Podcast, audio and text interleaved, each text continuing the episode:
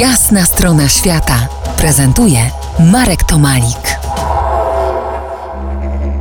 Moim gościem po jasnej stronie świata Paweł Zając, prekursor terapii dźwiękiem Digidu w Polsce. Będziemy rozmawiać o dźwiękach, o wibracjach i ich wpływie na nasz organizm. Paweł, zacznijmy od instrumentu, którym się posługujesz w swoich terapiach, od instrumentu, który e, i mnie jest bardzo bliski. Co to jest y, didgeridoo i skąd pochodzi? Didgeridoo jest e, instrumentem ludowym e, pochodzenia australijskiego.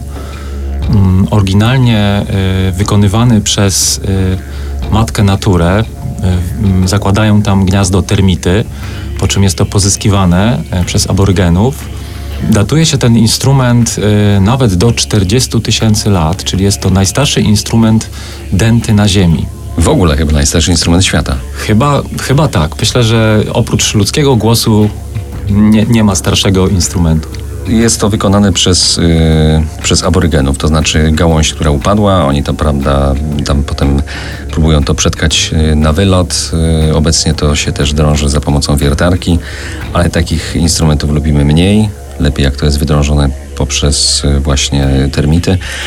Ale co jest ciekawe, aborygeni y, nie umieszczali didgeridoo w swoich wizerunkach w malarstwie naskalnym. Są różne rzeczy, praktycznie wszystkie rzeczy, które stanowiły ich y, marzenia, otoczenie, y, wszystkie narzędzia. Nie ma didgeridoo. Dlaczego? Aborygeni traktowali ten instrument bardzo z wielką czcią. E, to był rytualny instrument, dla nich święty, święty głos, e, który opowiada historię Ziemi. Dlatego go nigdy nie umieszczano e, z szacunku do tego instrumentu. Ten święty instrument przybliżał ich do świata przodków, budził on tęczowego węża, nie czyniąc go złym. A tęczowy wąż to Ucieleśnienie Boga, którego wierzyli jeden z aborygeni. praprzodków jeden z totemi- totemicznych. tak, tak. Mm, Nie czyniąc go złym, dzięki czemu mogli kontaktować się z wielkim kreatorem.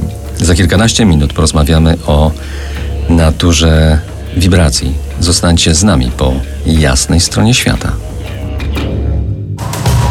To jest Jasna strona świata w RMS Classic.